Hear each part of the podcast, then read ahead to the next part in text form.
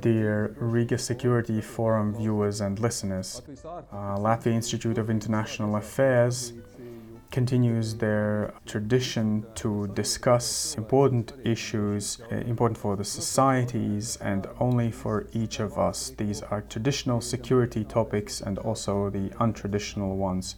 Uh, due to COVID 19, this year we are organizing our discussions as podcasts beginning in October and ending in December. And during this time, we are all ready to connect, to share the ideas, and to share them with interesting personalities.